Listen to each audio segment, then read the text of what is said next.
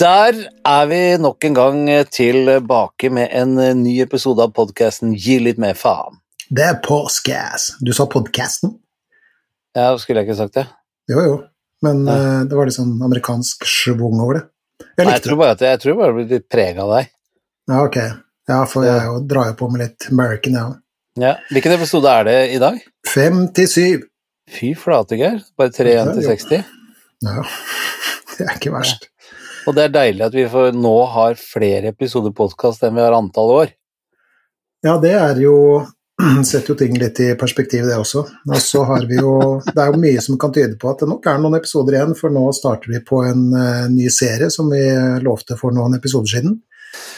Ja, men vi må jo si at det er uh, en podkast med Ja, du heter jo Geir Vigtil. Ja, du heter vel Tommy Stein uh, fremdeles, antagelig? Ja. ja. Mm. Jeg har faktisk et mellomnavn vi aldri har brukt det, men det har jeg. Tommy Einar Steine. Ja, da går vi videre, da, Geir Petter. jeg har et etternavn til, da, vet du. ja, ok. Ja. ja, det visste jeg faktisk, men jeg husker ikke hva det var. Lindrup. Lindrup var det, vet du. Ja. Ok. Men kjæreste Lindrup, ja. um, har det skjedd noe siden sist i, i, livet ditt? Det har det, altså. Ja, få høre. Det skjer jo noe hele tiden. Uh, nå er jeg jo for alvor flyttet ut i bobilen, så dette her er opptak fra meg i bobil. Det hørtes jo litt sånn trist ut. Flytta ut i bobilen, hva mener du med det? Jeg syns ikke det er trist i det hele tatt. Jeg må faktisk innrømme at Jeg trodde ikke jeg skulle si dette, men jeg digger litt bobil, altså. Hm. I hvert fall når det er bare meg aleine, så er det helt supert. Nei, men nei, nå begynner det å bli revet og bygget opp så mye inn i denne huset som jeg restaurerer, at nå er det ikke noe sted å sove lenger der. Jeg har foreløpig bare beholdt liksom doen og dusjen, ellers er alle andre rom under reconstruction. Mm -hmm. Og da må jeg et sted å ja. ja. Men uh, det var jo litt kritisk punkt for innspillinga i dag også. Altså, vi er jo travle begge to, så det er jo greit. Men uh, i dag så blei det litt sånn kaldsvett-travelt uh, for deg, fordi at du hadde en greie hengende over hodet, og hva var det? Ja, de skulle komme og levere kjøkken. Eh, eller deler av kjøkkenet, og så er de jo så fantastiske, disse fraktselskapene, at de sier vi kommer et sted mellom klokken tre og klokken ni. Et sekstimers slingringsmonn der, altså. Ja. ja. Det er bra ikke eh, togselskapene opererer på den måten, selv om det er nære på for tida, da, for så vidt. Det er enda verre med de som eh, lager eh, vinduene som jeg har bestilt. Det får jeg uke, mellom uke 47 og 49. Riktig. Der har vi to ukers slingringsmonn. Ja, okay. Så bare vær klar til vi kommer. Ja. Okay. Men uh, det var det. Jo, det er jo bare minor ting. Jeg har jo gått av vakt i dag, så jeg har jo vært på vakt hele helgen. Uh, men før helgen så rakk jeg å uh, gjøre ja, to, to, foredrag gjorde jeg forrige mm -hmm. uke. Hvor var det? Det ene var i Oslo, og det andre var i Bergen. Ja. Hvordan gikk det da? Det gikk eh, veldig bra. Det er jo et eh, foredrag som eh, som egentlig er vårt foredrag, syns jeg. Fordi jeg har egentlig tatt forestillingen som ikke har muligheten til å spille akkurat nå for tiden. Så da har jeg tatt og laget et standup-foredrag av forestillingen Gi litt mer faen. Ok, så standup-foredrag, hva mener du med det? Jeg mener at uh, det er ikke jeg som står rett opp og ned og er sånn derre uh, Sånn traust uh, foredragsholder som har dypdykk i 50 foiler og sånne ting. Det er jo Det er jo showet i foredragsformat. Mm, mm. Okay, det er mye alvor og sånn, så klart, men det er viktig med humor òg, da, vet du. Mm. Det, li det liver opp, som de sier, ja. i komikerkretser. Ja. Og du, da? Nei, eh, det er nå eh, jobb, da. Stort sett. Ja. ja. Og så har jeg da hatt min eh, datter på et eh, kall det studiebesøk, hun leste eksamen. Og ja. da valgte hun å komme hjem til mor og far da, vet du, og få slappe av litt og få litt ekstra forpleining og sånn mens hun leste, så det var jo veldig hyggelig. Det er stas, vet du. Og så driver jeg og forbereder meg litt sånn uh, mentalt, ikke at det bekymrer meg nå, men uh, Men eh, jeg har jo gjort meg noen eh, tanker eller refleksjoner rundt det faktum at min sønn forlater redet snart. Gjør han det? Han eh, drar jo i kongens klær? Han skal inn i kongens klær. Det er ikke lenge til? Det er ikke lenge til. Så da, eh, 26. januar, kjører jeg han til Sessolmoen Så og leverer han på porten. Og det blir litt sånn å levere den i barnehagen for første gang, uten sammenligning for øvrig. Så jeg vet ikke. Skal du se. være der i to uker, sånn tilvenningsuker og sånn sammen, da? Jeg tenkte jeg skulle være der den dagen. Ja. Nei! Du må bare slippe han å dra. Ja, jeg tuller selvfølgelig. Ja, Han hadde jo blitt, sikkert blitt veldig erta av de andre folkene i kongens klær hvis jeg hadde blitt igjen. Så det har jeg ikke tenkt å gjøre, altså. Da hadde jeg Men, dratt eh, opp og henta deg hvis du hadde gjort det. Ja, antagelig. Ja. Men, eh, men eh, det er jo litt rart, og vi har jo snakka mye om hva skal vi si ja, livsfaser og overganger og hvordan vi reagerer på liksom, nye faser og ting i livet, da. Så, og han har jo alltid vært litt sånn eh, eh, pappa Dalton. Da han var liten, i hvert fall. Ikke så mye da han var tenåring, for så vidt. Men, men nei, det er litt rart med det. Men eh, vi har øvd oss fælt, min kone og jeg, på å være alene, og vi koser oss fælt, så det skal vel gå bra. Du slipper av en gutt i porten, vet du, så henter du en mann om noen måneder. Ja, antagelig. Antagelig. Det sa min mor til meg etter at jeg var eh, borte i 15 måneder i Forsvaret, i hvert fall. Ja, du vokste vel tre meter og Ja, Hadde skjegg da du kom alt skjedde. Ja. Hår på tissen og mørk stemme og adamseple. Noen vil kanskje si at jeg er det som på nynorsk heter en late bloomer, jeg vet ikke. Nei. Nei, men det var bra at du nådde puberteten i, eh, i, eh, i Forsvaret, da. Du, det var faktisk sånn, for å si det på en eh, Det høres ut som en fleipete måte, men det var faktisk var faktisk i stort sett i Forsvaret det skjedde, ja. Jeg fikk det akkurat tidsnok eh, hår på tissen til at det ble populært at det skulle ta seg igjen. Ok, men eh, vår, vårt dannelsesnivå krever nå at vi går videre. Ja. Så ja, nei da, det er det som eh, har skjedd siden sist. Sitter du og rister på hodet nå, Geir? Du gjør ikke det? Jeg, jeg, jeg, jeg blir litt ukomfortabel eh, når du bruker slike begreper, men ok. Ja, nei, men det skal vi ikke gjøre noe mer av. Så det ber jeg om unnskyldning for, og det er, eh, ikke deg, det er ikke det vi skal snakke om i dag. Nei, vi skal ikke snakke om, eh, om behåring på edlere deler. Men egentlig litt eh, om eh, Ja, vi skal komme tilbake til det, men jeg, jeg skal ta Jeg skal ta eh, Har du en liten metafor på lur? Nei, nei, referansen på det bare. Jeg skal ta det etterpå når det kommer, så jeg ikke foregriper begivenheten her. Ja, ok. ok. Så um, jeg tenkte bare Altså, vi, vi, hadde- vi snakka jo sammen siden forrige episode. Mm. Eller så, siden forrige episode. Etter Mm. forrige episode, da vi trykte på stopp-knappen. Snakka lenge. Vi snakka lenge, og, og vi var vel skjønt enige om at forrige episode var vel den som fram til nå har vært vanskeligst på mange måter. Og mest ubehagelig.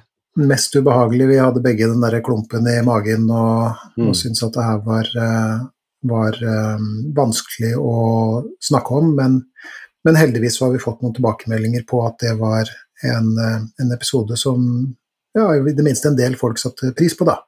Ja. Og det var jo ålreit. Og jeg, jeg tenkte jeg skulle For han som skrev det opprinnelige Du må jo si at det handlet jo om selvmord. Det er jo ikke sikkert ja, alle har hørt selvmord. for. Nei, det er ikke sant. Så 'Selvmord og selvmordstanker' var da tittelen på episode 56. Mm. Det var jo noe vi hadde forberedt, forberedt oss uh, mye på, og, og, og et tema som vi hadde litt sånn, uh, hva skal vi si, ja, ønska at skulle, skulle bli ålreit, da. Mm. Um, og vi fikk en, en henvendelse også fra han som skrev den opprinnelige e-posten, og det var eh, det var ålreit. Han, han syntes at det ble en, ble en fin episode. Men det er ikke det som er poenget å, å sitte og skryte av oss selv her, for så vidt. Men poenget var at han hadde, en, eh, han hadde kommet på en tanke til som jeg tenkte jeg skulle eh, dele, for jeg syntes at, at det var en, en god, god refleksjon, da. Ja. For han skrev, ja, blant mye annet, at, at han har tenkt på en ting, da. Eh, Det jeg tenkte på, er at Og nå leser jeg fra e-posten her, som du forstår. ja. Eh, Det jeg tenkte på, er at ingen av problemene eh, som hans slektning hadde, var uløselige. det var fullt mulig å få et godt liv framover om han hadde gjort noen grep. De tingene hadde jo løst seg i etterkant. Og noe av det som eh, jeg, da, som innskriver, eh, skriver, og, og, og, mine søsken ordnet opp i, kunne vært løst også i samarbeid med denne personen. Noe hadde nok vært tungt og strabasiøst, men fullt løsbart. Mm. Det er et viktig punkt med tanke på forebygging, tenker jeg. At det aller mm. meste her i livet kan vi få til en løsning på. Selv om livet ikke blir som vi har sett for oss, at det krever mye av oss i perioder av livets motbakker. Og det syns jeg er en god refleksjon. Og, og jeg skrev jo tilbake at jeg brant liksom Helt på slutten av forrige episode så brant jeg inne med en, en sånn setning som, som, jeg ble veldig usikker på om jeg kunne si, men og det høres litt sånn flosklete ut, og vi har jo snakka mye om at floskler er jo floskler av en grunn, men, men, men det er den setningen som sier at, at et, et, selvmord er, er en permanent løsning på det som som oftest er midlertidige eh, strabaser og problemer. Da. Mm. Eh, og det syns jeg vår eh, venn der ute nå um, formulerer veldig godt i sin tilbakemelding. Så, så et lite sånn tillegg til, til forrige episode der, altså. Mm. Men jeg må jo også si at jeg bevrer litt i benklærne, også med tanken på det vi nå skal inn i. Fordi at um, Hva betyr det? Bevrer? Skjelver i, i, buksene. Jeg sa ikke buksene med vilje, i tilfelle du skulle um, bringe tankene inn på behåring og sånt, så, så jeg, jeg, forsøkte å, å være litt dannet der og da, men ok, greit. Så vi ble jo for en tid tilbake enige om at, at det var noe vi hadde veldig lyst til. Og det yep. var å, å, snakke om noe helt spesielt. Yep. Er det Jeg er klar. Er det, ja, du er klar? Okay. Jeg er veldig klar. Ok, bra. Du har til og med, du har til og med forberedt deg. Til og med forberedt. Det gjør jeg hver gang. Jeg. Det, det gjør du. Det gjør ja. du. Men du hadde forberedt deg litt ekstra i dag, eh, hørte jeg. Ja, men du, jeg vet jo uh, Dette her er jo en person som uh, jeg har oppdaget takket være dem, Hervig, til. Mm -hmm. uh, så det er du som har fått meg inn på de baner. Så jeg hadde bare lyst til å rote litt tilbake i hodet og rote litt tilbake i historien, og så se hva var det som gjorde at jeg ble så fenget, fanget mm. av han vi skal snakke om i dag, da. Mm. Det har jeg gjort meg opp noen tanker om. Og han vi skal snakke om, er Mr. Jordan Peterson. Yes. Også han har et mellomnavn, for så vidt. B? Ja, B, ja. Mm. Står for Bernt, for han var nemlig en norsk eh, bestefar. Eller hadde, ja. da. Eh, han lever antagelig ikke lenger, for eh, herr Jordan B. Peterson begynner også å trekke i hvert fall litt grann på åra. Jordan eh, Bernt Peterson. Jordan Bernt Peterson. Og hvem er Jordan Peterson? Jo, han er eh, 62-modell. Hmm. Han er professor i psykologi, og han er da klinisk psykolog. Han er forfatter, han er foredragsholder. Han har vært eh, professor både på McGill University, University of Toronto og på Harvard. Han eh, har gitt ut Eh, tre bøker. Han skrev eh, i 99 så skrev han en bok som heter 'Maps of Meaning', med undertittelen 'The Architecture of Belief'. Eh, den foreligger ikke, ikke på norsk. Og det er liksom regnet litt som hovedverket hans. Da. Men i 2018 så kom hun ut med 'Twelve Rules for Life', eller som den heter, 'Tolv regler for livet'. eh, på norsk en motgift til kaos, som det er mm. oversatt til. En antidote to chaos. Eh, og i, eh, nå i 2021 så kom den ut med oppfølgeren, som heter Beyond Order. Eh, og han karen her er, er en fascinerende fyr på veldig mange måter. Mm, han er jo definitivt. veldig sånn øh, øh, frittalende, vil jeg, vil jeg si. Bakgrunnen hans er jo at han han studerte jo først øh, statsvitenskap, og så ble han veldig interessert i ideologier. Mm. Det vil da si de ideologiene som lå bak tragedier som f.eks. Altså Nazi-Tyskland, eh, det kommunistiske Sovjet med mm. sine straffeleirer, såkalte gulager. Eh, folkemord i Rwanda, ikke sant. Og det var det som gjorde at han, eh, han slo inn på eh, Slo inn på psykologien. Mm. Eh, og det var jo et litt sånn snedig, eh, en snedig U-sving, sånn som jeg ser det, da. Men det som er sånn spesielt med han, er at han kombinerer kunnskap fra både psykologi, mytologi, religion, litteratur, filosofi, nevrovitenskap. Historie. For historie, ikke sant. For å, å forklare begreper som tro i utvida forstand, da. Ikke sant. Altså les ideologier. Um, og religioner, for så vidt. Og, og det begrepet som uh, heter, eller som vi kaller mening. Og mening har jo vi snakka mye om. Mm. Og han dro jo ut på en verdensturné. Vi var, du og jeg var jo så han i Oslo konserthus, kan det stemme? Stemmer det. Ja. Mm. Live. Han, live, faktisk. Mm. Da var han litt trøtt. Han var litt sliten. Ja, han var litt sliten akkurat da. Men, ja. For han hadde jo reist verden rundt og, og sånt noe. Men han har jo Blant annet så har han jo Han eitrer seg litt på universitetene. Ja. Fordi at han, eh, han vil Hva skal vi kalle det, da? Han vil at kunnskap skal være tilgjengelig for så mange som mulig, da.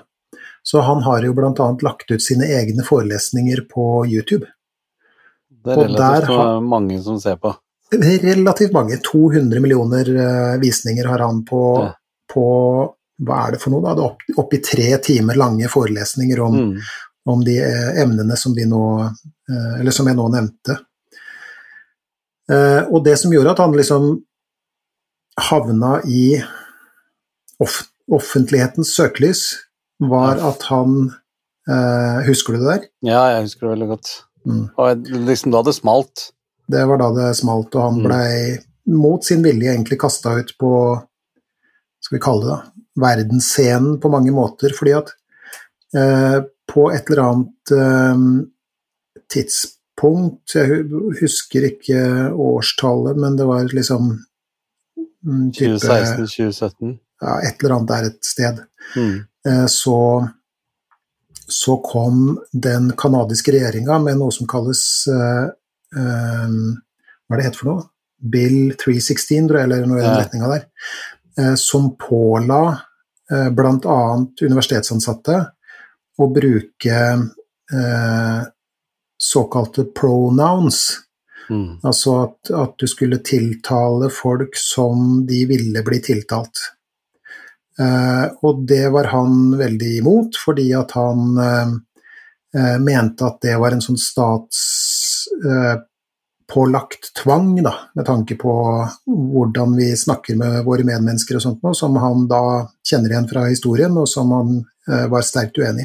Det han har presisert, eh, selvfølgelig, er jo det at hvis noen hadde kommet til han og, og, og definert hvordan de ville bli tiltalt, så hadde han med selvfølge gjort det. Men han mener Ja. at det er ikke staten som skal legge seg opp i, opp i det der. Ja, det var, han, det var veldig mange som misforsto det der, fordi at eh, det, han ble jo en fiende av det transgender community. mm, For de mm, trodde jo at han var transfob.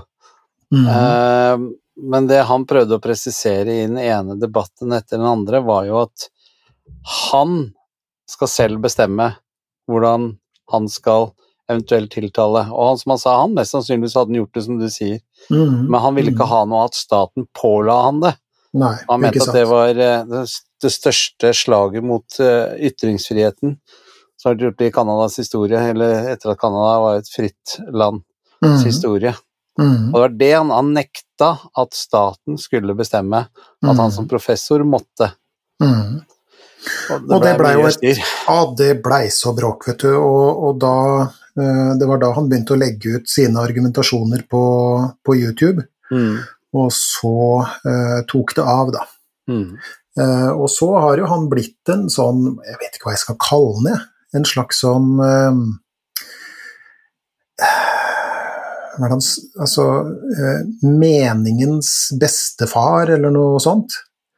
Eh, Ja, altså Det han blir beskyldt for, er jo at, eh, at han er eh, høyresidens talsmann. Altså han er en talsmann for høyresiden, Mm, mm. eh, hvilket han ikke Han vil ikke vedgå det i det hele tatt. Og, eh, men det er jo veldig mange unge menn, og oss litt mer voksne menn, som eh, blir veldig hva skal jeg si, tiltrukket av uh, hans meninger, for de er vel begrunnede.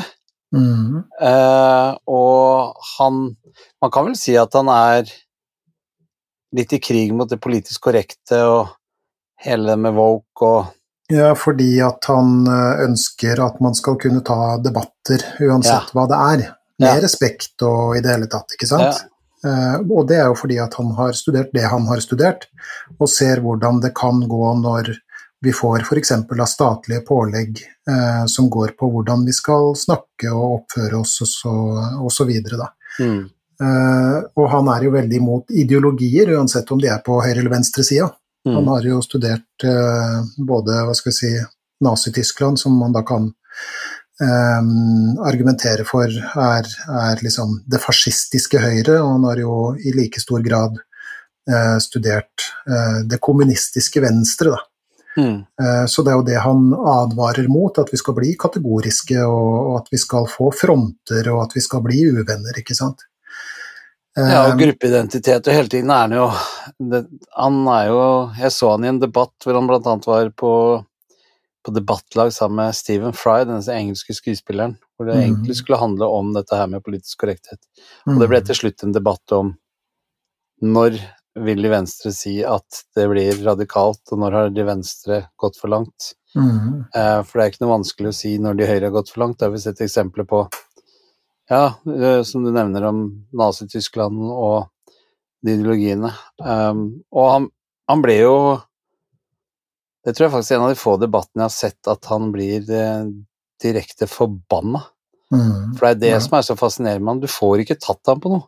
Mm, Og han går ikke, han sier ikke ett eneste ord som han ikke har dekning for. Mm. Ja, nei, da ble en, eh, da ble en sur. Men, Ja. eh, men eh, rent bortsett fra det, så er han jo en ganske hva skal jeg si, samlet eh, eh, herre, da. Men det som er hovedbudskapet hans, da, uansett hvilken eh, hva skal jeg si, politisk retning osv. det dreier seg om, er jo nettopp dette med eh, at ideologier ikke eh, fører spesielt mye godt med seg. Og det er jo, som vi har nevnt i tidligere episoder også, dette med at Um, og som er en av hans uh, poeng, er jo det at da uh, religionene, og særlig den, den, den kristne religionen, begynte å, å dø, så og, og, og, det har han jo selvfølgelig ikke sugd av eget bryst, som det kalles. Det har han jo fra, fra Nietzsche, dette med at når, når Gud dør, så, så, blir det et vakuum, og så strømmer ideologien inn. Og så ser vi hvordan det har, uh, hvordan det har fart av gårde med oss i de siste hundre årene. Mm. Det har ikke gått, uh, gått spesielt bra. Uh, og det han da snakker om, er jo hvordan individet kan ta ansvar både for seg selv og for samfunnet. Mm. For nettopp å være en slags motgift til, til ideologier, og det, det, er jo noe av det som jeg tenker er, er um, Det er i hvert fall noe av det som, som har gjort at jeg har um, ja, reagert sånn positivt på det her, da. Mm. Uh, og så er han jo da en veldig kunnskapsrik uh, herre. Én en ting er jo disse bøkene, men en annen ting er jo at han har jo da forska mye på, på, psykologi, og særlig på, på, psykologi som hva skal vi si, forsøker å besvare hvorfor vi eh, holder fast i våre overbevisninger, Mm. og spesielt våre politiske overbevisninger. Så, så summa summarum så kan man jo på mange måter si at han oppfordrer oss til å tenke selv, da. Og, og, der kan jeg jo ikke riktig forstå hvorfor det skal være mm, feil. Det er jo også det vi Jeg mener det er jo det vi prøver å, å oppfordre til med denne podkasten også, ikke sant. Det å, å, bære smerten og det å ta ansvar og det å, å leve dette merkverdige livet. Så det vi da snakka om, var at vi skulle uh, begi oss inn på det muligens ambisiøse prosjektet. Mm. Og gå igjennom hans uh, bok fra 2018, 'Tolv regler for livet en motgift mot kaos'. Mm. Uh, jeg må jo få lov til å tilstå at jeg har fortvilt over vår beslutning. Jeg har jo lest og lest og lest, og lest, og, og på et tidspunkt så tenkte jeg at det her går ikke. For det som er greia med han karen her, sånn er at han har For å ta den boka her, da, så er jo den lagt opp som en sånn lang tankerekke, egentlig. Så det er ikke så godt å Han er ikke, han er ikke den som setter opp uh, punkter. Nei. Sånn, det virker som at han tenker mens han skriver, ikke sant. Og, og det sier han jo også når han holder foredrag, og jeg vil jo oppfordre de som skulle bli interessert i løpet av denne episoden, at, at uh, hvis, hvis, man uh, fristes til å gå inn og, og se noe på det her, så så er det ofte sånn at han tenker mens han snakker også. Mm. Eh, men, men, eh, han greier alltid å knytte trådene. Og det som da jeg Du har jo lest boka, og, og det har jeg også gjort, og nå er jeg jo i ferd med å lese den igjen. Det er jo det at uh, da gjelder det å holde hodet litt kaldt som leser, og stole på at han greier å få oss gjennom kapitlene og avslutte dem på en god måte, da. Ja, for det skyter ut til siden, og sånn er det også når han holder foredrag. altså han har gjort digresjon til en, til en egen sportsgren. Ja, absolutt. absolutt. Han, han, kommer på ja, som vi skal snakke om i dag med hummergreiene. Jeg så et foredrag med han hvor han begynte å snakke om hvorfor i dette kapittelet 1, og det spora helt av til masse andre dyr, og kom inn på og så etter ti minutter stopper han seg, og så sier han sånn Ja, nei, men det var jo ikke det jeg skulle snakke om i dag. Mm, mm. I hvert fall. Så hummeren. Ja. Ja, ikke sant. Ja. Og sånn er det jo litt når du leser boka også. Ja, det er i grunnen det. Men, men, heldigvis for oss eh, lesere, da, så er den jo i stand til å, å trekke trådene eh, mot slutten av kapitlene, sånn at man sitter tilbake og tenker sånn Hm, ja, der ja. lærte jeg jaggu meg noe. Og, og det gjør den, man med den boken her virkelig, altså, ja, absolutt. Absolutt. Um, og du sier at det er mest menn som har reagert um, hva skal jeg si, positivt eh, på det her, men, men jeg hørte også at han snakka Han følger jo statistikken sin på YouTube osv., og, så videre, og det er jo da virkelig et økende antall eh, kvinner også som får eh, øynene opp for eh, budskapene. Eh, og, og, jeg tenker at det er jo ikke så rart, for vi er jo folk. Ja, absolutt. Eh, så det var kanskje akkurat i dette tilfellet så var det muligens menn og de unge mennene som oppdaga det først, og så og så eh, har alle vi andre kommet uh, uh, litt sånn diltende etterpå. Ja, for jeg tror det skyldes også litt den offentlige debatten dreide seg egentlig litt om Ja, som, som vi sa innledningsvis, så rundt han så, så ble han jo beskyldt veldig for å være fob, da. Mm, mm. og da er det jo det nok til at veldig mange ønsker å ta avstand uten egentlig å sette seg inn i det. Mm. Det er litt sånn vi er. Vi leser mm. litt overskrifter. Mm. Eh, men så har han jo vist seg til gangs at han er jo en stayer, da. Mm, eh, og gir seg overhodet ikke, og kommer tilbake til stadig nye ting. Og han tar jo, går man inn på YouTube, så tar han jo for seg alle sånne Det er eh, som vi gjør med podkasten hans, han tar jo for seg livet. Mm. Han snakker om uh, hvordan gjøre suksess i en jobb, hvordan gjøre suksess som foreldre. Mm. Uh, og så må jeg kanskje synes er det deiligste opp der, han er, han er veldig menneske sjøl. Mm. Og både han i podkasten hans og datteren hans, ikke minst, deler veldig med at ja, selv han som er så kunnskapsrik, da, som er så belest, også sliter med sine ting. Mm. Som gjør at mm. han til syvende og sist bare er et menneske, han også. Mm. Ja, det er, jeg, det er jeg enig i. Han prøver ikke å fremstå som noen sånn eh, guru, og det, det liker jeg i hvert fall. Det gir han jo en, en, troverdighet. Det er jo litt synd at han måtte kjempe denne kampen, men uh, men det ser jo også ut til at uh, det har lagt seg, så, så, jeg håper jo ikke at det har kosta han for mye, og at han uh, kan være med på å tenke, jeg hadde nær sagt sammen med oss andre, da, uh, mm. om, om, hva det vil si å, å, være folk. Det som er bakgrunnen for denne boka, da, er jo at han um, Det er noe som heter Quora. Mm. Som er et sånn nettsted hvor man kan stille spørsmål og få svar fra både Eh, legefolk og, og, og lærfolk, hadde jeg nær sagt. Um, og han uh, ble da Eller det var noen som spurte hva er dine liksom, beste tanker om livet og det å være menneske, da. Mm. Uh, og han begynte da å legge ut punkter på Quora. Mm. Uh, og jeg tror han la ut noe sånt som 50-60 punkter, og det ble, ble de mest sånn stemte Nei, hva heter det for noe? Oppstemte, nei det er jo et annet, eh, det betyr noe helt annet. Men det, de, de, punktene i Kuoras historie som fikk flest stemmer, ja. Eh, var disse punktene her. Og så samla han da de tolv som han liksom eh, holdt høyest, de samla han da i denne boka som heter 'Tolv regler for livet'. Mm. Og med regler så forsøker jo ikke han å pålegge oss noe som helst, ikke sant, men altså tolv eh, Hva kunne det hett for noe? Tolv Tips. Tolv tips Råd. kunne det hett, ikke sant? Ja. Tolv råd. råd for livet osv. Bla, bla, bla. Ja. Um, Men i hvert fall det har resultert i denne boka som har solgt i bøtter og spann, så åpenbart så er det jo noe som uh, ligger i det som eh, folk av uh, alle aldre og av begge kjønn og, og på å si alle kjønn uh, har funnet noe verdifullt i. Da. Og det er det som vi nå skal etter fattig evne forsøke å gå litt igjennom og se om vi kan trekke essensen ut av det eh, og lære noe av. Ja, vår essens, egentlig. Vår essens på mange Vår måter. Vår tolkning. Ja, vår tolkning. fordi at når man leser en tekst, så legger man jo også sine, sine ting inn i det, og, og det har, eh, har nå vi eh, gjort. Mm. Så hva tror du, skal vi bryte oss på første kapittel av tolv regler for livet? Jeg syns vi skal bare hoppe i det. Vi hopper i det. Mm. Kapittel 1. Rett deg opp og trekk skuldrene tilbake. Mm. Som jo frittstående kan høres ganske eh, besynderlig ut.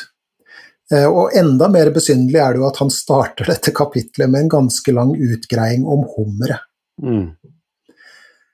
Noe som jo er litt uh, pussig, å skulle sammenligne oss mennesker med, med eh, hummere. Men poenget hans da er jo at uh, hummere er eldgamle vesener. Rundt eh, 350 millioner år gamle, sånn cirka. Mer eller mindre uh, uforandra. Og at de lever i et hierarki. Og så er det vel de som da har blitt litt sånn krenka allerede der, i første setning, og, og, og trodd eller lest inn i det at han snakker om noen sånn form for eh, makthierarki. For han snakker jo om at hummerne lever i et dominanshierarki. De forsøker å dominere hverandre. Er litt som dyr gjør, da. Ja. De prøver å gjøre seg store, og de viser klørne, og de liksom danser rundt hverandre. Og, og det ender sjelden med kamp, heldigvis, for det pleier å gå dårlig for den ene eh, hummeren. For hummere er jo ganske sterke i klypa, bokstavelig talt. Men poenget hans er eh, å si noe om eh, hvordan hierarkier er gamle systemer. Mm. Og det han forsøker å si eh, utover det, er at også vi mennesker lever i hierarkier. Og da tenker vi ikke på sosiale hierarkier, men på såkalte verdihierarkier. Mm. Ehm, og hva betyr det? Jo, det å leve i et ehm, altså, Det er jo veldig mange som snakker om hierarkier som om det er noe, noe, noe negativt. Og, og så kan man jo tenke på at et, hvis et hierarki er basert på makt, det liker vi jo ikke. Nei. Og det er jo mye av det vi som samfunn hele tida forsøker å, å unngå, ikke sant? Gjennom at vi har, eh, har gitt eh, maktmonopolet i samfunnet til politiet, f.eks., og til en viss grad eh, Forsvaret, da. Sånn at vi skal slippe å gå rundt og slåss mot forbrytere på gata hver eneste dag, ikke sant. Så kan vi ringe telefonnummeret, så kommer det noen og gjør det eh, for oss og passer på oss osv. Men, men det han snakker om er eh, eh, dette verdihierarkiet, og hvordan det styrer eh, livet vårt. Styrer livet vårt, men altså det, det påvirker eh, livet vårt. Da. For det handler om hva vi, du og jeg, hver dag verdsetter over noe annet, og hvorfor vi gjør det. Og det handler jo om, blant annet så handler jo det om valg. Mm. Eh, For de fleste valg de handler om å velge en ting og fremfor noe annet, ikke sant? La oss si at vi er på restaurant, bare noe så enkelt, ikke sant? Så er det jo litt eh, Ja, vi blir jo fort mette hvis vi velger hele menyen, sånn at vi må bestemme oss for at vi bestiller én rett fremfor en annen. Og det er et slags verdihierarki, ikke sant? Og, og liksom skal vi velge mat framfor søvn, f.eks.? Skal vi velge familie eller karriere? Ikke sant? Alle disse livsvalgene som, eh, som eh, vi tar. Um, og det som, så, det som er så kjipt, og som jeg også snakker med mine klienter om også, eh, dette med at eh, hvis du tar et valg, så utelukker jo det noe annet. Tar du et valg, så går du glipp av det andre alternativet, eller alle de andre alternativene, ikke sant. Eh, og mange som jeg Eller mange, men en god del av de jeg snakker med, har jo også det problemet at de er eh, frosset i en sånn eh, Hva skal vi kalle det? Som valg eh, avmakt, på en måte. De får ikke Klarer til å ta det klarer valget. ikke å ta noe valg i hele De klarer ikke å ta noe valg, ikke sant. Nei. Men problemet med å ikke ta valg er at det også er et slags valg, og det har også konsekvenser, ikke sant. Og det er det som eh, Det er blant annet det som, eh, som Jordan Peterson snakker, eh, snakker om her, da. Eh, Så valg har jo, og, og verdihierarkier har jo konsekvenser for enkeltlivene våre, men det har jo også konsekvenser um, politisk. Mm. Ikke sant? Det er jo det som utgjør hele politikken. Altså Definisjonen av politikk er fordeling av knappe ressurser. Ja. Og det vil da si at vi som samfunn må velge noe framfor noe annet. Hva skal vi prioritere, ikke sant? Og det er en del av, eh, av de tingene han eh, snakker om. Og når det gjelder altså skal jeg si, politiske Bare så jeg forstår deg riktig nå, så er det jo Så det du sier, det du sier, og det du sier at han sier, er at vi er totalt avhengig av hierarkier, og det ikke nødvendigvis er negativt. Det er Nei, mange hierarkier riktig. som er veldig positive også, Mm -hmm. uh, og Mhm. uten de så, så blir det lett kaos Mm -hmm. uh, og stillstand. Fordi du er nødt til å ta de valgene. Mm. Så, så Men hva er Ok, så det er hierarki, men hvor er det patriarki og hierarki hva, Hvor er det det kommer inn hen, da? Eh, Hva, hva tenker du på da? Nei, Patriarkatet? Ja, ikke sant, for det, det Det jeg ser at han har fått mye kritikk for, er jo blant annet av feministbevegelsen som sier at eh, det, han, han, eh, han opprettholder og forherliggjør det patriarkiske hierarkiet. Mm. Mm. Og han, det også gjør han jo forbanna, for han sier da, da skjønner du ikke hva det egentlig dreier seg om. Mm. For uten hierarki så klarer vi oss ikke. Mm. mhm. Vi er nødt Ja. til å ha et hierarki. Vi er nødt til å ha et hierarki, og, og der er det jo igjen en sånn uh, misforståelse, da, fordi at det han snakker om i den sammenhengen, er jo, er jo det vi kan kalle et slags eh, Altså, han har jo det har blitt misforstått som en slags sånn støtte til igjen det her sånn dominanshierarkiet, da, omtrent som vi ser på blant sjimpanser, ikke sant? Hvor, hvor det kan se ut som om det er makt som, som er eh, eh, ligger til grunn for at en person er på toppen, f.eks. Altså sjefsapa på toppen. Mm. Eh, dominerer ved hjelp av, eh, av makt. Men som eh, f.eks. vår venn Robert Sapolsky, som da har studert eh, bavianer, eh, påpeker, og en hel haug med, med annen forskning også, er jo det at eh, ingen La oss kalle det sjefssjimpanse eller sjefs... Bavian. bavian eller sjefsmenneske overlever særlig lenge hvis du baserer din, eh, din plass i hierarkiet på dominans og makt. Fordi at, la oss si en, en, en sjefsbavian, da. Han er jo sterk, ikke sant? Men hvis det kommer to stykker med to tredjedeler av hans styrke, og slår seg sammen, så river de han i fillebiter. Mm. Ikke sant? Så det vil da si at Og det vil de gjøre. For at selv, selv dyr, hører du, men altså også dyr, da, de, de reagerer på urettferdighet. Jeg så en sånn derre eh, Og det ligger på YouTube, det er bare å google seg fram til det. Det er, det er to aper. De sitter i hvert sitt eh, glassbur, og så skal de få godbit, begge to. Og den ene får en nøtt, og den andre får en drue, og akkurat de apene her elsker druer, da. Og den apa som da ikke får drue, han blir altså så forbanna. Han, det klikker helt for han kaster det der nøtta veggimellom. Det der finner han seg ikke i, liksom.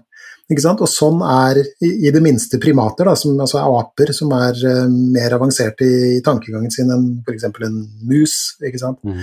Uh, de vil reagere på det. Og det vil da si at hvis en sjefsape da baserer seg kun på fysisk makt og brutalitet, så vil den bli plukka ned fra tronen ganske fort. Og det viser seg når du studerer apeflokker, de lederne som klarer seg best og ikke minst klarer seg lengst, er de som klarer å balansere eh, maktbruk, som f.eks. da en, en, eh, regjering, ikke sant, mm. eh, og det å ta seg godt av flokken sin.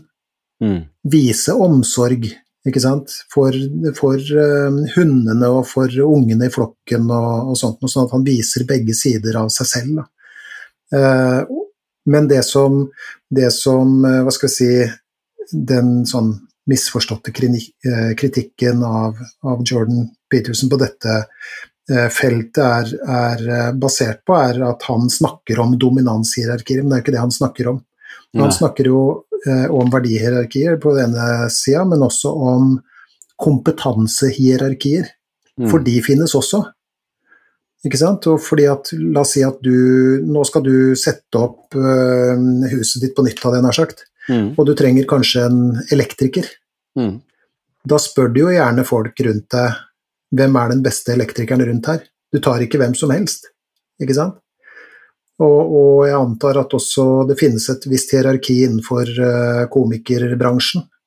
Ja, du tar ikke den som uh, drar den der to tomater som gikk over en vei, liksom.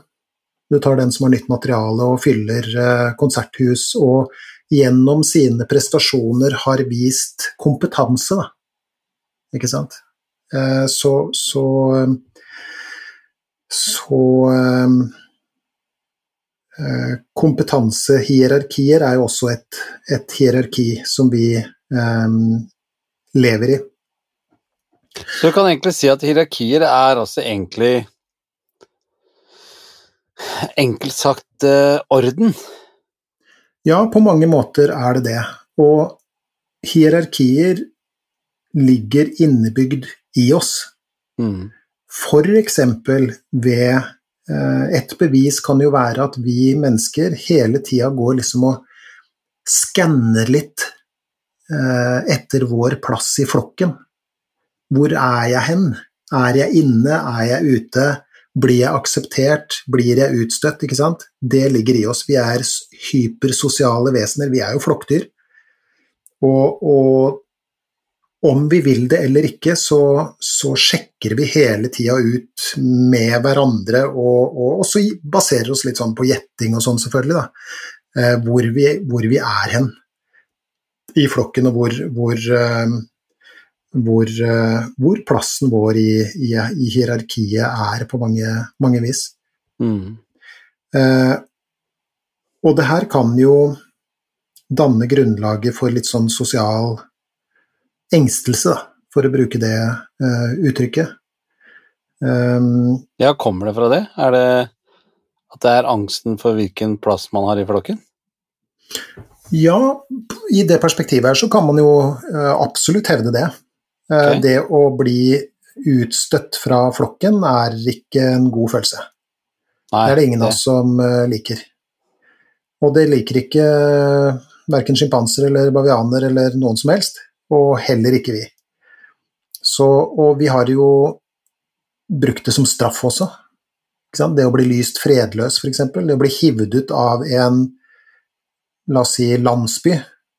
Ikke sant? Og i landsbyen, så, hvis vi ser på sånn gamle dager, da, så er det jo bygd en, en, eh, en mur rundt den landsbyen for å beskytte de som bor der. Ikke sant? Sånn at man skal kunne leve trygt og fredelig, og man skal kunne passe på hverandre. Man gjør hverandre tjenester, ikke sant, og én er baker og én er smed, og, og, man handler seg imellom og sånt noe, og der har vi selve definisjonen på orden. Ja. Altså ordet paradis betyr jo faktisk eh, inn Altså innafor murene, inngjerdet sted. Ja. Uh, og, og, i byen, i den inngjerda byen, da, i det vi kaller sivilisasjon, der hersker jo orden. Utafor er naturen. Naturen er, eh, er bildet på kaos. Og i gamle, riktig gamle dager så kunne du, hvis du hadde gjort eh, ordentlig sånn fæle ting, så kunne du da bli lyst i bann. Og så ble du dytta utafor byportene, kanskje til og med med ungene dine hvis du hadde riktig uflaks. Og da hadde du et problem.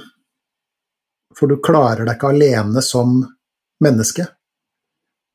og, og, og, et mer moderne bevis på det er jo Jeg vet ikke om du husker det der Det må ha vært på tidlig 90-tall eller noe sånt, hvor, hvor regimet til Ceaucescu falt. Mm. I Romania, var det vel. Mm. Hvor man avdekka barnehjem som var drevet nærmest etter et sånt fabrikkprinsipp. da mm. hvor barna fikk eh, tak over hodet, og de fikk mat, og fikk dusje og sånt som det er, men det var det. Det var ikke noe omsorg, det var ikke noe nærkontakt, det var ikke noe, noe, noe samtale, ikke sant. Og eh, det som da var et Og jeg husker fremdeles synet av, av de ja. ungene, for vestlige filmteam rykka jo inn, ikke sant. Jeg husker det det var jo barn som, som var alvorlig skada på, på psyken fordi at de aldri hadde fått den tilhørigheten som eh, barn trenger. Det vil si som vi alle trenger, da. Mm. Eh, så, så, det er jo en annen, eh, en annen, et annet slags sånn bevis på, på dette på denne, At denne flokktilhørigheten er så viktig. En annen greie som, som også er eh, forskningsbasert, og igjen er det både uh, Sapolsky og en hel del andre folk som viser at, at eh, det er særlig det å være på toppen av et hierarki, enten det er et Hva skal vi si et, et Ja, kall det et, et ja, hvilket som helst hierarki, da. Ikke sant? Men det å være på toppen og det å være på bunn, det er de verste plassene å være. Mm. Og det kan vi jo se fra vårt øh, øh, samfunn også, ikke sant. Jeg vet ikke om du har lagt merke til Jeg la i hvert fall merke til det. Øh, hvordan for eksempel han Åh, Obama jeg tenkte meg han Ikke sant? Og, Hvordan han forandra seg på de åtte ja, årene. Nettopp. ikke sant? Ja. Han kom inn som en kjekk ung mann, liksom, og gikk ut som en gammel gubbe med grått hår. Ja. Ikke altså, kona, det, da, men han. Han, ja, ikke kona, nei, jo, eller like Hun så yngre ut når hun var ferdig? Ja, omtrent. omtrent. Men også um, Jens Stoltenberg hadde jo den mm. samme Og ikke til forkleinelse for Jens Stoltenberg, ingenting med det, han uh, regnes jo fremdeles som en kjekk mann, han. Men det, det, det, å være på toppen med det ansvaret ser ut til å liksom brenne av ressursene våre, da. Det er ekstremt stressende å være på toppen, liksom. Ja. Og så er det tilsvarende stressende å være helt på bånn. Mm. Down and out in Beverly Hills, liksom. Ikke sant? Altså, du har, du har ingenting av ressurser. Du har ikke eh, flokktilhørigheten. Folk går i en omvei rundt deg, ikke sant. Du er uteligger, f.eks. Det har tilsvarende stressende eh, effekt. Et av de mest sånn bisarre eksemplene på det jeg har vært borti, var og jeg kan ikke forstå at de fikk lov til å gjøre det, men det var tross alt på det glade 50-tallet, før sånne etiske komiteer og sånt, hvor, hvor de ga en uh, svær apeflokk fri tilgang på kokain. Uh, kunne få såkalt snorte så mye de bare gadd. Uh, og så viser det seg at, at altså, effekten av kokain er at du utløser dopamin, det er en kall sånn belønningsstoffet, for å si det enkelt, i, i hjernen. Eh, og du føler deg sant, på topp og, og sånn. Og så, når man da så på, da man da så på hvilke aper det var som trøkka mest kokain inn i neseborene, så var det de helt på topp, og de helt på bånn. Mm. Og det kan vi jo se også i, i samfunnet vårt, selv om, uh, og dette er jo en liten sånn uh, PS, da, at vi ser at rusbruk uh, sprer seg også i, i middelklassen osv. I, i våre dager, og det kunne man selvfølgelig sagt mye om, da. Men bare som et uttrykk for at, at hierarkier har jo også sine omkostninger. Men, det er bra der hvor vi er, da, sånn litt under midten. Det er ja, bra å være. Ja, ja, ja, ja, ja, ja. Og akkurat det skriver faktisk Sapolsky om. Fordi at ja, det vet jeg. Ja, fordi at han skriver om en, en uh, ape som um, en, en bavian da, som, som, er så ut til å være liksom den minst stressa i flokken. Og han var i en sånn mellomposisjon. Og han visste når han måtte forsvare seg.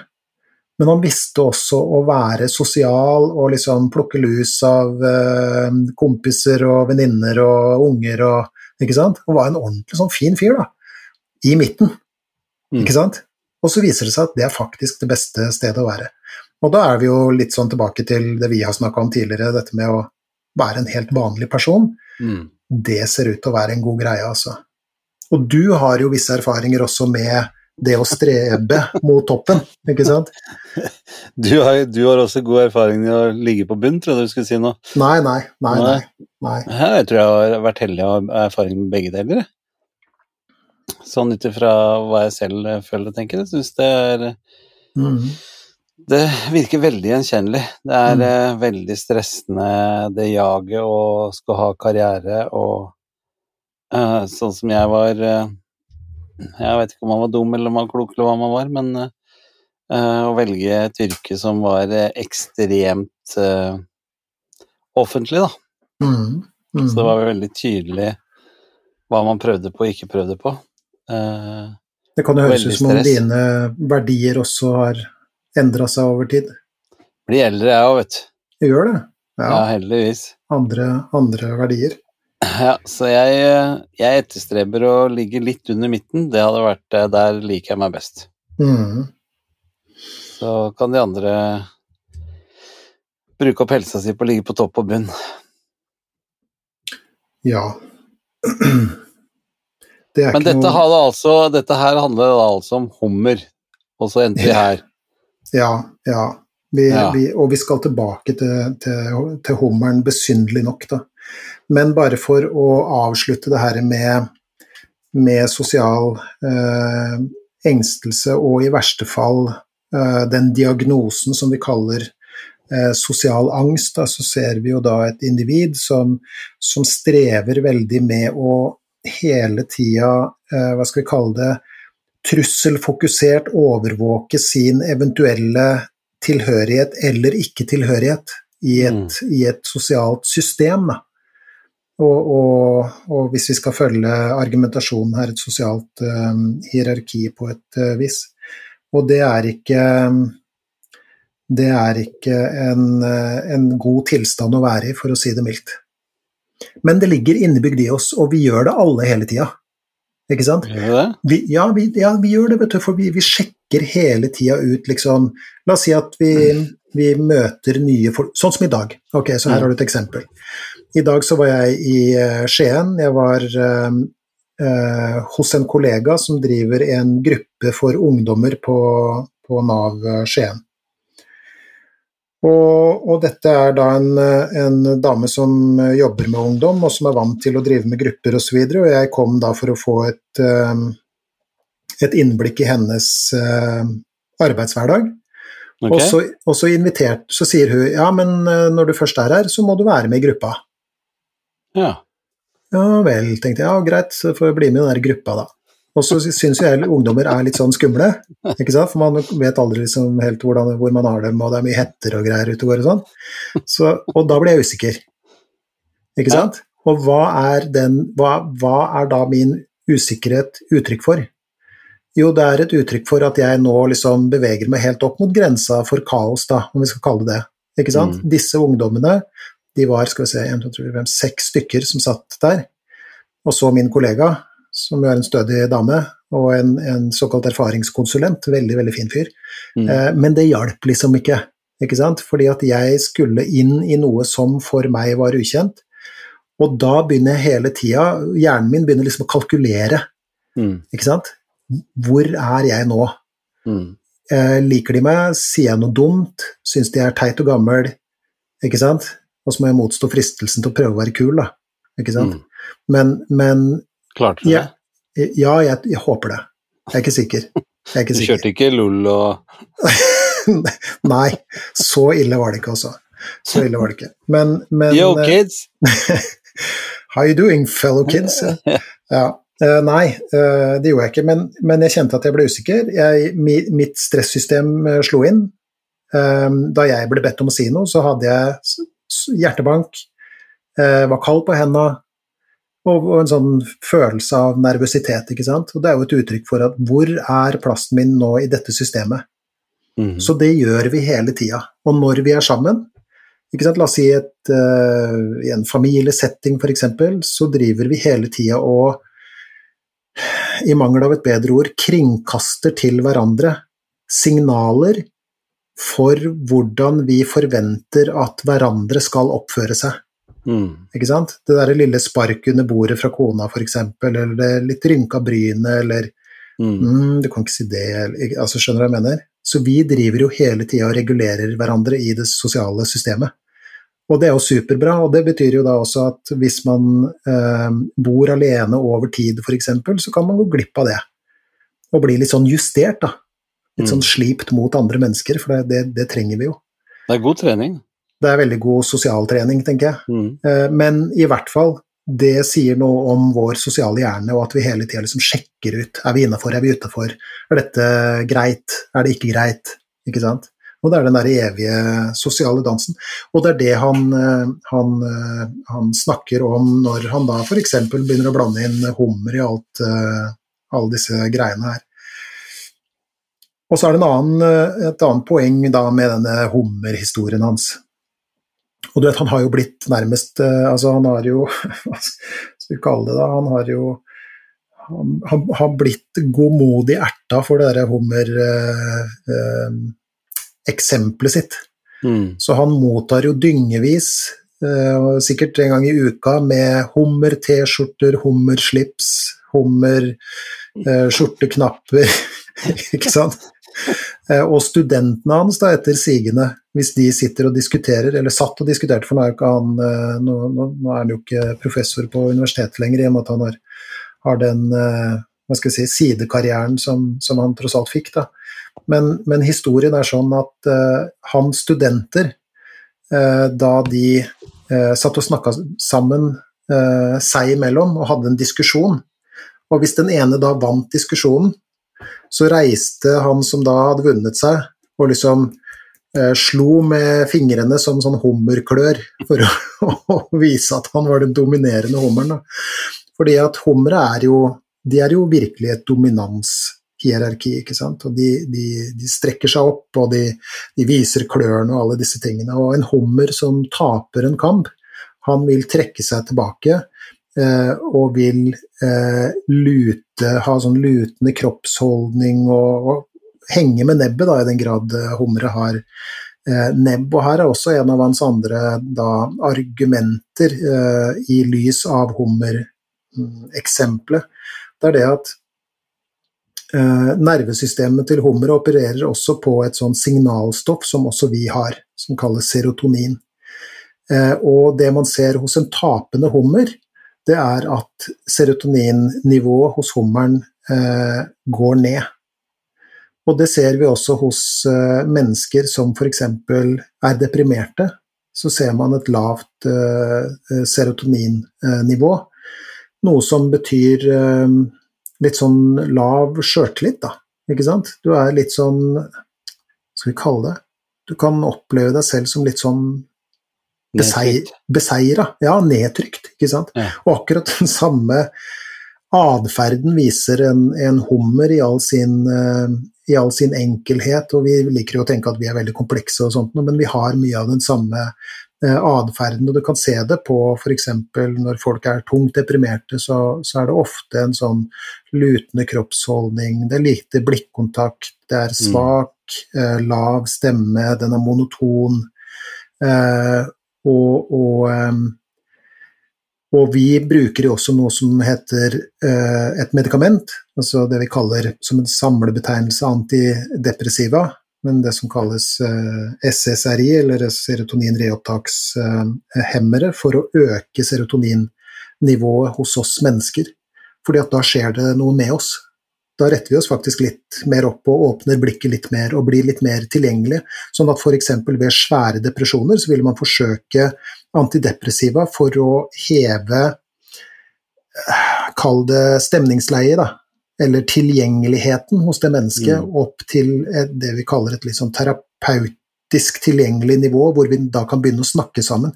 For det som, er, det som jeg syns er helt utrolig fascinerende, hvis du måler serotoninnivået hos mennesker, så kan du øke det med disse serotonin-reopptakshemmerne men du kan faktisk også øke det gjennom den riktige samtalebehandlinga. Så får du en økning av serotoninnivået, som igjen da vises i atferd, ikke sant. Men mener han da, tror du, at uh,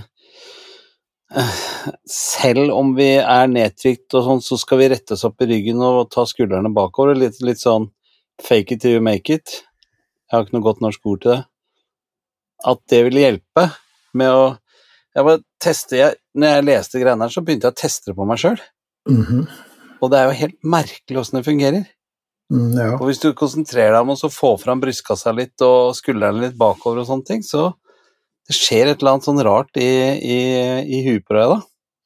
Ja, det der var jo en sånn greie de, Jeg husker ikke hva det ble kalt et eller annet Hva var det for noe? Eh, det var et eller annet sånn posturing, eller et eller annet de kalte det. Det var i hvert fall ja, en sånn stemmer. hypotese som gikk på at og, og jeg tror pinadø norske skoleelever ble utsatt for de greiene der, og, og, i hvert fall utenlandske, eller altså type engelske og amerikanske og sånt noe. Eh, Søttan at jeg ikke leste mer om det der, for jeg tenkte på det, men, men eh, det var en sånn hypotese som går på det at hvis du retter deg opp, så har det noe å si for psyken din, bla, bla, bla. Jeg tror kronprinsen også slo frampå i et intervju mm. uh, om det der, om at det var så bra. Og så tror jeg forsyner meg at det var en av våre husprofessorer, uh, at det var Madsen, som, uh, som gikk ut med en litt forsiktig kritikk av det da, og sa mm. at det, sånn var det ikke helt at det, det, det henger sammen. Men, men, det å rette seg opp kan ha litt sånn andre effekter som jeg da skal komme tilbake til. Jeg vil bare fullføre litt det der serotoninargumentet, hvis det er eh, greit. Mm. Fordi at altså, det viser seg at når vi er uh, lave på serotonin, da, for å, å, forenkle det litt, så, så gir det oss en uh, økt følsomhet for livets stress. Uh, det vil da si at det skal lite til for å utløse stressresponsen vår. Hvis vi har det sånn helt greit, så, så, skal det kanskje litt mer til før vi liksom blir stressa og urolig og, og nedfor og sånn. Men, men, det å, å, gå rundt med enkelt sagt et, et lavt serotoninnivå, da, om vi kan kalle det det, er liksom å, å stadig være i en sånn det er en evig nødsituasjon, på en måte. Eh, og man blir mer både fysisk og fys eh, psykisk følsom for situasjoner som kan utløse eh, eh, vonde eh, følelser. Og alt det der er liksom på bakgrunn av den derre eldgamle mekanismen som selv hummeret har, da, som da er eh, Jordan Petersens argument, som, som, holder på en måte automatisk oversikt over liksom hvor i hierarkiet, eller hvor La oss ikke kalle det hierarki, la oss kalle det det sosiale systemet. Da. Mm. Hvor i, i, det sosiale systemet um, du befinner deg. Men så er det jo også sånn, og det her er jo noe jeg jobber med veldig ofte, det er jo det at den sånn, kall det sånn radaren, den sosiale radaren, den kan jo ta feil. For det er ikke så lett å gjette seg til hva andre tenker, tror og mener, hva de syns om deg, og bla, bla, bla. Ofte så er det, vi har jo snakka mye om hvordan det er hjernens oppgave å holde deg unna trøbbel. Mm. Og det vil da si at hvis det er hjernens oppgave å holde deg unna trøbbel, så vil den gi deg tanker som um, Gi deg tanker så, om uh, de eventuelle scenarioene hvor ting kan gå galt. Så den vil på en måte simulere de scenarioene. Ja, de liker deg sikkert ikke, eller det intervjuet kommer til å gå skikkelig dårlig, eller den daten kommer til å gå rett i dass, ikke sant. Og det er jo en slags sånn, eh, hva skal jeg si, forberedelse på en, en, en liten sånn nødsituasjon der, da. Og det vil da si at fordi at vi er så rikelig utstyrt med tankekraft, vi mennesker, så, så er vi i den situasjonen hvor vi kan havne i en, en i en kall det sånn langvarig stressituasjon som for så vidt er basert på at, vi har, eh, at, at denne radaren liksom har eh, tatt eh, feil. Men det er faktisk også en del ting vi kan gjøre selv for å kompensere for denne, kall det stressresponsen som vi alle kan oppleve, og som, hvis den varer lenge nok, jf. Obama osv., kanskje litt tullete eksempel, men likevel, da, eller en, en, langvarig stresstilstand eller et eller annet, så har det veldig store fysiologiske omkostninger for oss. Da. Ikke sant? Men det som er så kult, det er litt sånn rosinen i pølsa her, altså, eh, er at vi kan kompensere for en god del, eller vi kan være med på å liksom rette opp i, i en del av det der sjøl. Og det er det som, eh, som jeg oppi huet mitt kaller for den psykologiske grunnmuren. Eh, og der er det særlig søvn som, eh, som Hva skal vi si Er viktig, dog ikke avgjørende. I hvert fall ikke i kortere perioder. Men det å, å, sørge for, eller i hvert fall i det minste øve på eller øve inn, eller gjøre så godt man kan da, for å få noe orden på eh, søvnstrukturen sin, det vil da, da si legge seg til ca. samme tid hver kveld, i den grad det går i et menneskeliv. ikke sant? Det å stå opp, selv om du ikke har noe å gjøre dagen etter, så står du opp til samme tid. Eh, det er viktig. Også det å få i seg mat eh, av, av tilstrekkelig kvalitet. ikke sant? Du, hvis du leser, lever på softis og, og, og tortillachips, så er kanskje ikke det så lurt. Det må være et, et visst næringsinnhold, i hvert fall og ikke minst det, som, det med aktivitet. Og da er vi jo litt sånn delvis inne på det du etterspør, da. Ikke sant? Dette med å rette opp ryggen og bla, bla, bla. Altså, aktivitet virker jo, vet vi nå, direkte antidepressivt. Ikke sånn at depresjonen forsvinner som dugg for solen, for det er jo ikke det det handler om, men du vil i det minste føle deg bedre enn om du hadde sittet i sofaen dagen lang. Og med aktivitet så handler det ikke om liksom blodtrening og sånt, men det handler om å komme seg ut. Gå, I det minste gå en tur rundt huset. Helst gå en tur rundt nabolaget.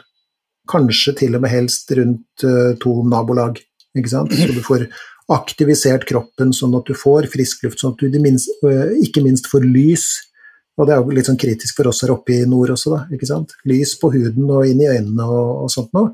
Og at, at hjertet ditt uh, slår litt raskere enn en det gjør når du, når du, sitter i sofaen. Men det, det, og det har vi jo snakka om i veldig mange andre episoder av podkasten, så, så, det kjenner jeg igjen. Men jeg skjønner liksom ikke helt uh, fortsatt uh, greiene for hvis han har gjort det til regler som vi bør ha i livet, eller råd til å ha i livet, da. Mm og rådet er retta opp og trekk skuldrene bakover, ja. så kan jo ikke det Han kan jo ikke mene med det at det skal du kun gjøre når, når ståa er sånn at du kan rette deg opp og ha skuldrene bakover.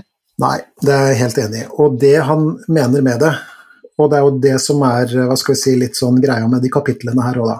Det er mange omveier, og det er noen snirkler og sånt noe. Det er utrolig interessante snirkler, og det er veldig mye å lære i det hele tatt, men man mm. må være litt sånn tålmodig. Mm. Men han, han, eh, får alltid samla trådene da, på slutten av, eh, av kapitlet. Og eh, det han mener er at Og det er ikke sånn der positive posturing, eller hva søttan det heter for noe. Jeg skal, jeg skal, google det etterpå. Jeg skal legge ut en, en, en, link til det, for jeg tror jeg vet hvor det ligger sånn cirka. Um, men det er ikke det det handler om. Det er ikke det at, at, du som en annen hummer liksom bare retter deg opp, og så øker serotoninnivået ditt og i det hele tatt. Det han mener er ved å rette deg opp og trekke skuldrene tilbake, så tar du plass. Og selv om du liksom eh, eh, ikke liksom føler det selv eller tror på deg selv, så har det en effekt, det å ta plass i verden her er en sånn greie Nå kommer jeg med en bisetning her, men, men det er en relevant uh, En innskutt bisetning, som vi kalte det før. Mm. Um, uh, og dette er litt sånn uh, sosialpsykologi, da. og det går på det at hvis du har en gruppe med mennesker, ok, så du, du søker etter noen frivillige, og så skal de løse en oppgave. La oss si de skal legge et puslespill, eller de skal designe en bro av marshmallows og ukokt spagetti, ikke sant. Eh, hvis du da sender inn en person i den gruppa som opptrer som om han eller hun har peiling på det han eller hun snakker om, altså som kommer inn og, og tar plass, ikke sant, og er rak i ryggen og fast i blikket, så vil den personen av de andre, basert på at vi er sosiale vesener, ikke sant? i et sosialt system, det han kaller et hierarki, da, ikke sant? så vil den personen av de andre helt automatisk vurderes som mer kompetent enn det personen kanskje er i utgangspunktet. Og det er jo litt sånn Bare den tar plass, ikke sant. Mm. Men det, det, det, Jordan Peterson snakker om, handler litt mer om handler jo ikke om det å gå inn og late som om du har peiling på ting. Dette er mer på individuelt nivå, ikke sant? for han snakker jo mye om individet. Og hva mm. vi som enkeltmennesker kan gjøre for å få det bedre, orientere oss bedre i verden eh, og, og, faktisk uh, ta plass. Da. Så det han sier, er at ved å rette deg opp og ta plass, uh, så, så, kan du um, um, Hva skal vi kalle det, da? Um, øve på ja, men altså, jeg, jeg, må prøve å finne de riktige ordene. Men altså, det er å Å ta plass er også å vise for andre at du har en verdi, og at du mm. har faktisk en plass i, i verden. Ikke sant? Og det er et slags signal til deg selv om at du faktisk er verdt noe. Ja. Og det er liksom der det begynner, da. Mm. Det er veldig mange som kommer til meg som sier at uh, jeg skulle gjerne blitt bedre på å sette grenser for andre. Ikke sant? Er, jeg, jeg, av og til så blir jeg litt sånn invadert, uh, og da sier jeg ofte ja, um, egentlig uten å mene det osv., så, videre, så jeg vil gjerne sette grenser. Men det som vi jobber med egentlig, det er um, det å begynne å behandle seg selv bra. Mm. Ikke sant? Mm. Eh, det, det, har vi snakka om mye. Ja, ikke sant? Men for i det øyeblikket du begynner å behandle deg selv i hvert fall halvparten så bra som du behandler andre, mm. så kommer grensene av seg selv. Og det er nesten en sånn derre eh, magisk greie av og til i, i terapirommet. Når man begynner å ta litt mer hensyn til seg selv og nettopp retter seg opp og tar plass i verden og i livet, da så, så kommer eh, veldig ofte grensene av seg selv. Men, det men han sånn mener Å oh, ja, unnskyld. Ja, nei, fortsett. Nei, det, jeg tenker jo at uh, det er jo egentlig stikk i strid med janteloven som mange av oss er indoktrinert med. Mm. På akkurat det her med at man skal ta plass. Og han viser jo til med forskningen sin hvor viktig det er eh, for, for hver enkelt, da. Mm. Mens vi er vel, eh, om ikke indoktrinert, så iallfall lært opp til at uh, du er ikke noe spesielt, du, du, må ikke tro du er noe, mm. typ. Mm. Og at det er jo vanlige særnorske der så bøye nakken litt, og så Nei, nei, men jeg, mm. det er ikke noe unikt det jeg gjør, jeg er jo bare mm. Jeg bare fant opp den greia der som sikkert noen andre kunne funnet opp, hvis ikke jeg hadde funnet opp. ja. Det er litt sånn beskjedenhet der, antagelig. Ja. Men, men, han mener jo selvfølgelig ikke at du skal liksom være den sjefsapa som går inn og dominerer og, og tar over showet, sånt, men at du tar den plassen som du i kraft av å være menneske rettmessig har, på en måte. Og det er jo litt sånn Det er jo tilbake til et, et, annet eh, poeng også, hvordan hvordan eh, hvordan vi mennesker og der er jo et sånt uh, vestlig prinsipp. Da. Det var en som het John Lock en gang som kom med noen sånne um,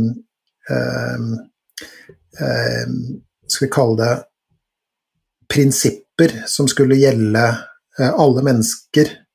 han var jo noe sånn filosofaktig på uh, 1700-tallet, han karen der, men men han snakka om at, liksom, at, alle mennesker har til, rett til liv, frihet og, og eiendom, og, og, han formulerte altså da det som kalles eh, naturrettsprinsippet, og hva betyr det? Jo, det betyr at alle mennesker har rettigheter og verdi i seg selv. Da.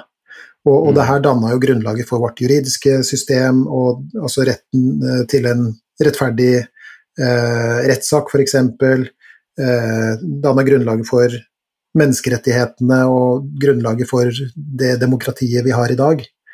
Um, som man for så vidt kan si mye om, men det er jo en, en annen sak. Men, eh, men det å rette seg opp betyr Sånn som Jordan Peterson snakker om det, da, så betyr det også noe annet. Eh, for det betyr at gjennom å rette deg opp og ta plass, så, så tenker han også at du da tar ansvar for livet ditt. Ikke sant? Mm. Og Det er liksom i første omgang, det er liksom den første sirkelen du skal ta ansvar for. Og i neste omgang skal du ta ansvar for familien din, og hvis du greier det, noe som er superkomplisert, så, så først da kan du begynne å ta ansvar f.eks. For, for lokalsamfunnet ditt, og klarer du det, som er et herrens mirakel bare i seg selv, så kan du ta ansvar for, for samfunnet for øvrig, ikke sant. Uh, og, og, og, det skal vi også da for så vidt uh, uh, komme tilbake til. Men men å rette seg opp og trekke skuldrene tilbake, er, det, det, er, det er, noe hero, heroisk over det. Da. Det er noe helteaktig. Og han bruker jo ofte sånn heltemyter og sånn for å snakke om det, altså hva det vil si å være et menneske. Og det å da rette seg opp kan bety at du liksom frivillig bærer livets eh, byrde. Mm. Ikke sant? Med alt det det innebærer. fordi at nervesystemet vårt, altså det stressystemet som vi har snakka mye om, det responderer helt annerledes når vi frivillig møter liksom livets krav og smerte, enn når vi jages av livets krav og smerte. Mm.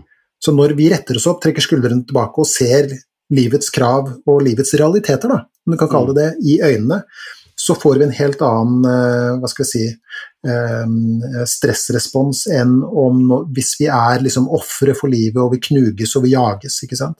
Mm. Så det å, det å, det å ja, kanskje et rart eksempel, men det å liksom å bestemme seg for å slåss mot dragen enn det å jages av dragen, det er to forskjellige ting. Og det er jo prinsippet i all god behandling, f.eks. det vi kaller eksponeringsterapi. Mm. Og poenget her er jo det at du blir ikke mindre redd av å gå i terapi. Du oppdager at du er modigere enn det du trodde i utgangspunktet. Så det vil da si at det er det han, han eh, han eh, snakker om. Så det han oppfordrer oss til, er, er liksom Si meninga di, stå for meninga di, legg fram ønskene dine som om du har rett til å bli sett og hørt. I hvert fall like mye rett som alle andre. Eh, og han jobber jo da for at vi skal bli modigere. Og så er det jo da grunn til å, å minne om definisjonen av mot. Hva er definisjonen av det å være modig? Det er i hvert fall ikke det å ikke være redd. Definisjonen av mot er å være pissredd og gjøre det likevel.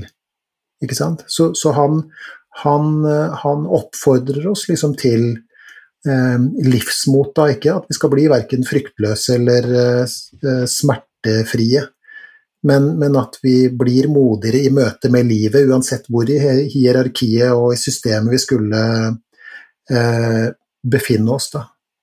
Og Så han da, ber oss egentlig rett og slett om å flytte oss fra passasjersetet over i førerstolen? Ja, faktisk. Det er godt, uh, godt oppsummert. Og han sier at da, gjennom alle disse eksemplene osv., så, videre, så sier han at hvis du retter deg opp og trekker skuldrene tilbake, i overført betydning, og, og, og, kanskje også i reell, hva vet jeg, da. Mm. Men da vil du kunne påta deg livets nådeløse byrde og finne mening i det. Ikke sant? Og der liksom knytter den eh, trådene, da. Mm. Og det så også er vi. Hva sa du? Ja, og så også vi. Mm, mm. For det er jo altså det som da er hovedbudskapet her, ikke sant. Det med å ta plass i livet, um, møte livets alle opp-, ned- og bortoverturer med mot eh, og med trukket sverd, på en måte, da. Mm. Ikke sant? Er eh, Det er vel Det har, har påvirka mitt menneskesyn. Mm. Jeg har nok gått fra det å tenke at um, jeg som behandler i møte med min klient skal beskytte vedkommende fra alt som er vondt og vanskelig, fordi at dette er et skjørt individ, til å virkelig se, da jeg liksom åpna mine øyne på det feltet her, da.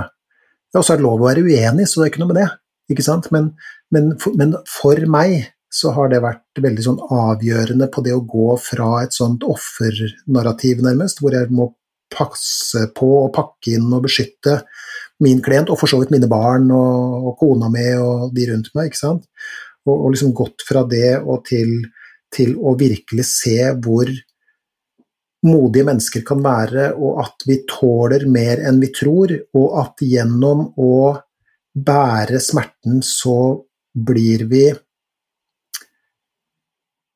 i stadig større grad, men aldri helt perfekt, i stand til å bære livet. Mm. Ikke sant? Ikke smertefritt. Ikke fritt for redsler eller for engstelse, uro, stress. Men hva, hva, hva er alternativet? Ikke Nei, men det er jo litt det der er jo litt som vi Jeg tenker på det som far også. Mm.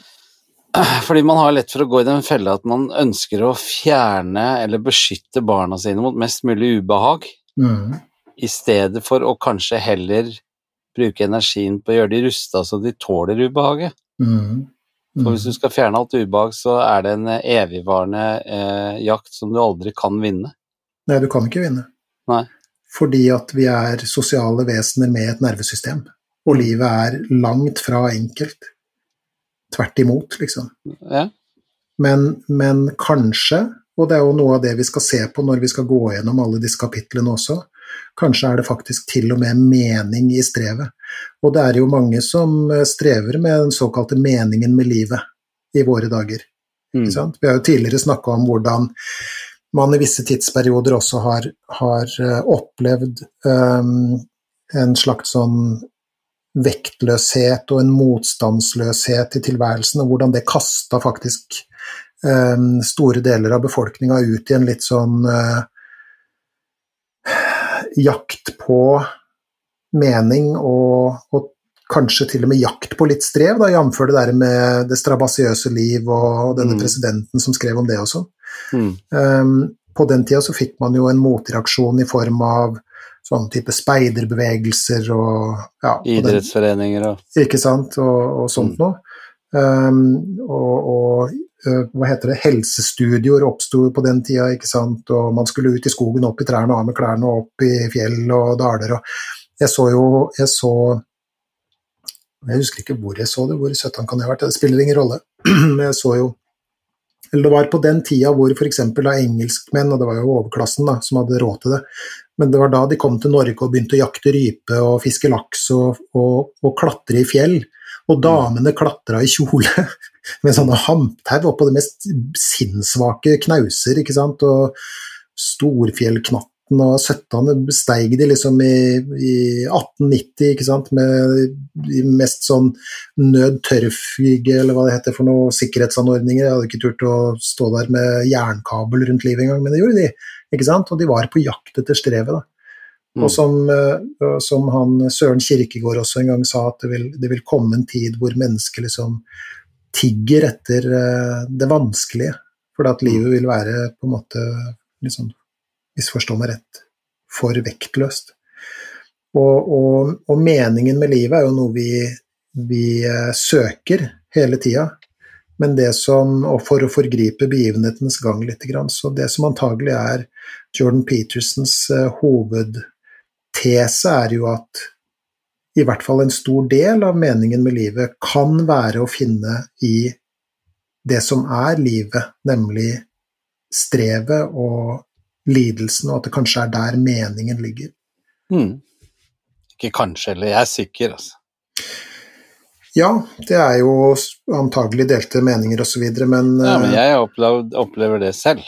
mm, mm, Og så kanskje noen andre opplever det annerledes, men for meg så er jeg i hvert Mhm. fall helt sikker. mm, Og også ta med Marcus Aurelius, liksom, med det derre Søk det ukomfortable, og du vil få det komfortabelt. mm, mm. Ja, nei, det er noe der. Så det var altså hele poenget med hummere og aper og ditt og datt. ja, og det var jo kort forklart òg, så Ja, det er kort og greit forklart. en og en halv time på hver eh, kapittel i en bok her, sånn, så har vi jo podkast fram til sommeren, vi, da. Ja, antagelig så har vi det. Vi får se, vi får se. Men, eh, Men det er en sagt- klok mann, altså. Ja da, uh, og det er, det er det, og han har jo blitt gjort klok av andre kloke personer. Ja. Eh, For, men, men det er jo det som er litt fint. Det finnes jo mennesker her i verden som er i stand til å, å skal vi kalle det, samle informasjon litt her og der, og så sette det sammen på nye måter. Også, Mm. Eller det vil si, det her er ikke noen ny måte engang, det er en eldgammel det er eldgammel lærdom om hva det vil si å være menneske. Eksempel eh, buddhistene sier jo Det er jo deres hovedtese er jo at livet er lidelse. Og så er jo målet deres nirvana og, og det å hva skal vi si, en, være en sånn ikke-væren. Men Mm. eh, vi er nå en gang her, Tommy. Ikke sant? Heldigvis. Ja, vi er det. Og når vi er her, så må vi på en måte være med på ferden. Og Mm. da er spørsmålet finnes det gode og mindre gode måter å være med på den ferden på, når vi først liksom er her, ikke sant? Um, Ja, det vil jeg svare ganske ubetinget ja på, altså. ja, det, mye tyder jo på det. Mm. Men, men han, eh, han snakker om da å rette seg opp og trekke skuldrene tilbake og møte livet med, med mot, og uansett om beina skjelver, liksom. Ja, Det er, eh, det er greia. Og det kan jeg, jeg kan like det. jeg kan også like det. Mhm. Men det var kapittel én, Det var kapittel én. Eller den første regelen. den første regelen. Så da har vi bare elleve- regler igjen. Og så er det ingenting Ja. som sier at vi skal snakke om hver eneste regler i halvannen time.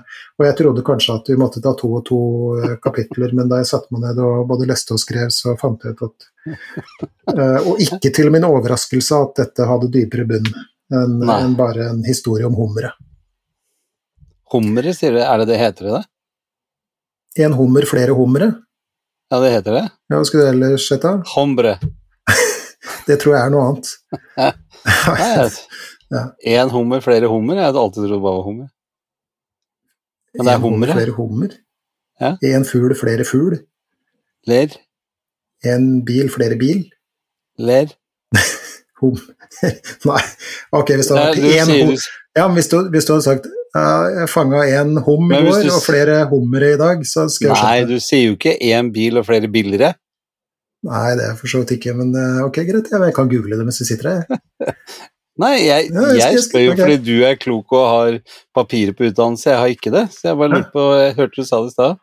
Google sier at det er rett. Én hummer, flere hummere. Hummere. Ja. Hummere. Jeg har bare aldri hørt noen sa i dag fikk jeg flere hummere. Nei, men eh, det må du begynne å si. Ja. Så Jeg kan jo si nu og okse også. Ja, og Venedig. Ja. Ja. Nei da. Hummere Eller bevere. Hør, da. Hummer er en familie krepsdyr som tilhører den store gruppen av tifotkrepser. Mm. Hummere lever i saltvann og har betydelig økonomisk verdi som matkilde. Mm. Så Det Nei, heter bare fortsett å si hummere, du. Ja, du har ikke tenkt å gi deg på aremøkka, kjenner jeg det rett?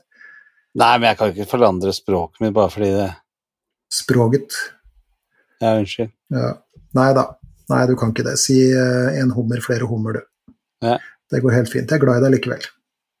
Jeg vil nok ikke si flere hummer jeg heller. Du har ikke tenkt å gjøre det? Eller jeg vet ikke, kanskje det ble planta inn i huet mitt nå. Så jeg skal i hvert fall uh, glede meg, for jeg skal inn og spise flere reker nå. Så Tosk. ok, ja. Nei, men da tror jeg, før vi begir oss ut på enda flere um, grammatikalske krumspring, så tenker jeg det er på tide å avslutte akkurat denne episoden. det er det. Og hvis noen ønsker å sende oss eh, elektronisk post, som vi ønsker, og det er gledelig, kjære lyttere, at dere er så snille og greie med oss at dere sender bare mer og mer elektronisk post. Eh, fortsett å gjøre det. Eh, send det da i så fall, Geir, til Gi litt mer F at gmail.com. Gi litt mer F i ett ord. Kråkebolle. Kråkebolle? Gmail.com. Eller kråkebollere, Kråkebollere ja. Ja. mer riktig. Og så må jeg få lov til å tillegge, og dette er en liten eh, bønn fra oss til alle som skulle høre på, hvis du da hører på oss på en av de vanlige sånn podkastplattformene, så trykk gjerne 'abonner'.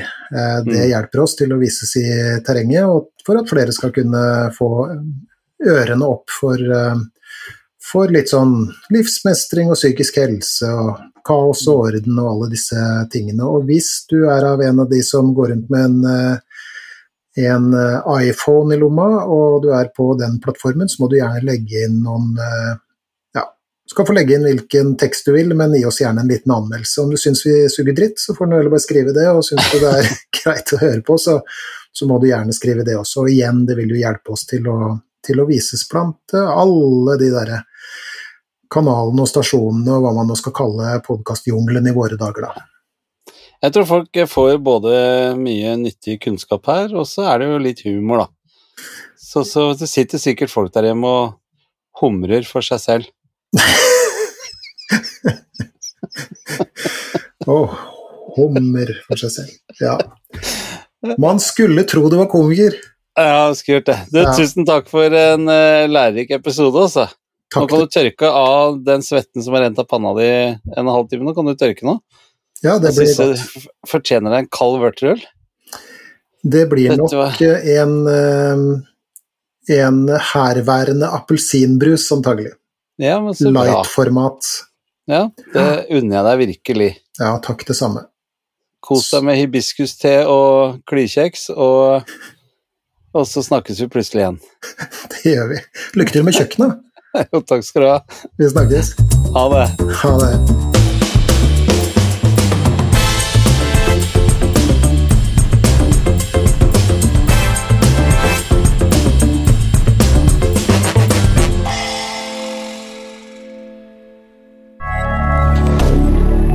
Moderne media.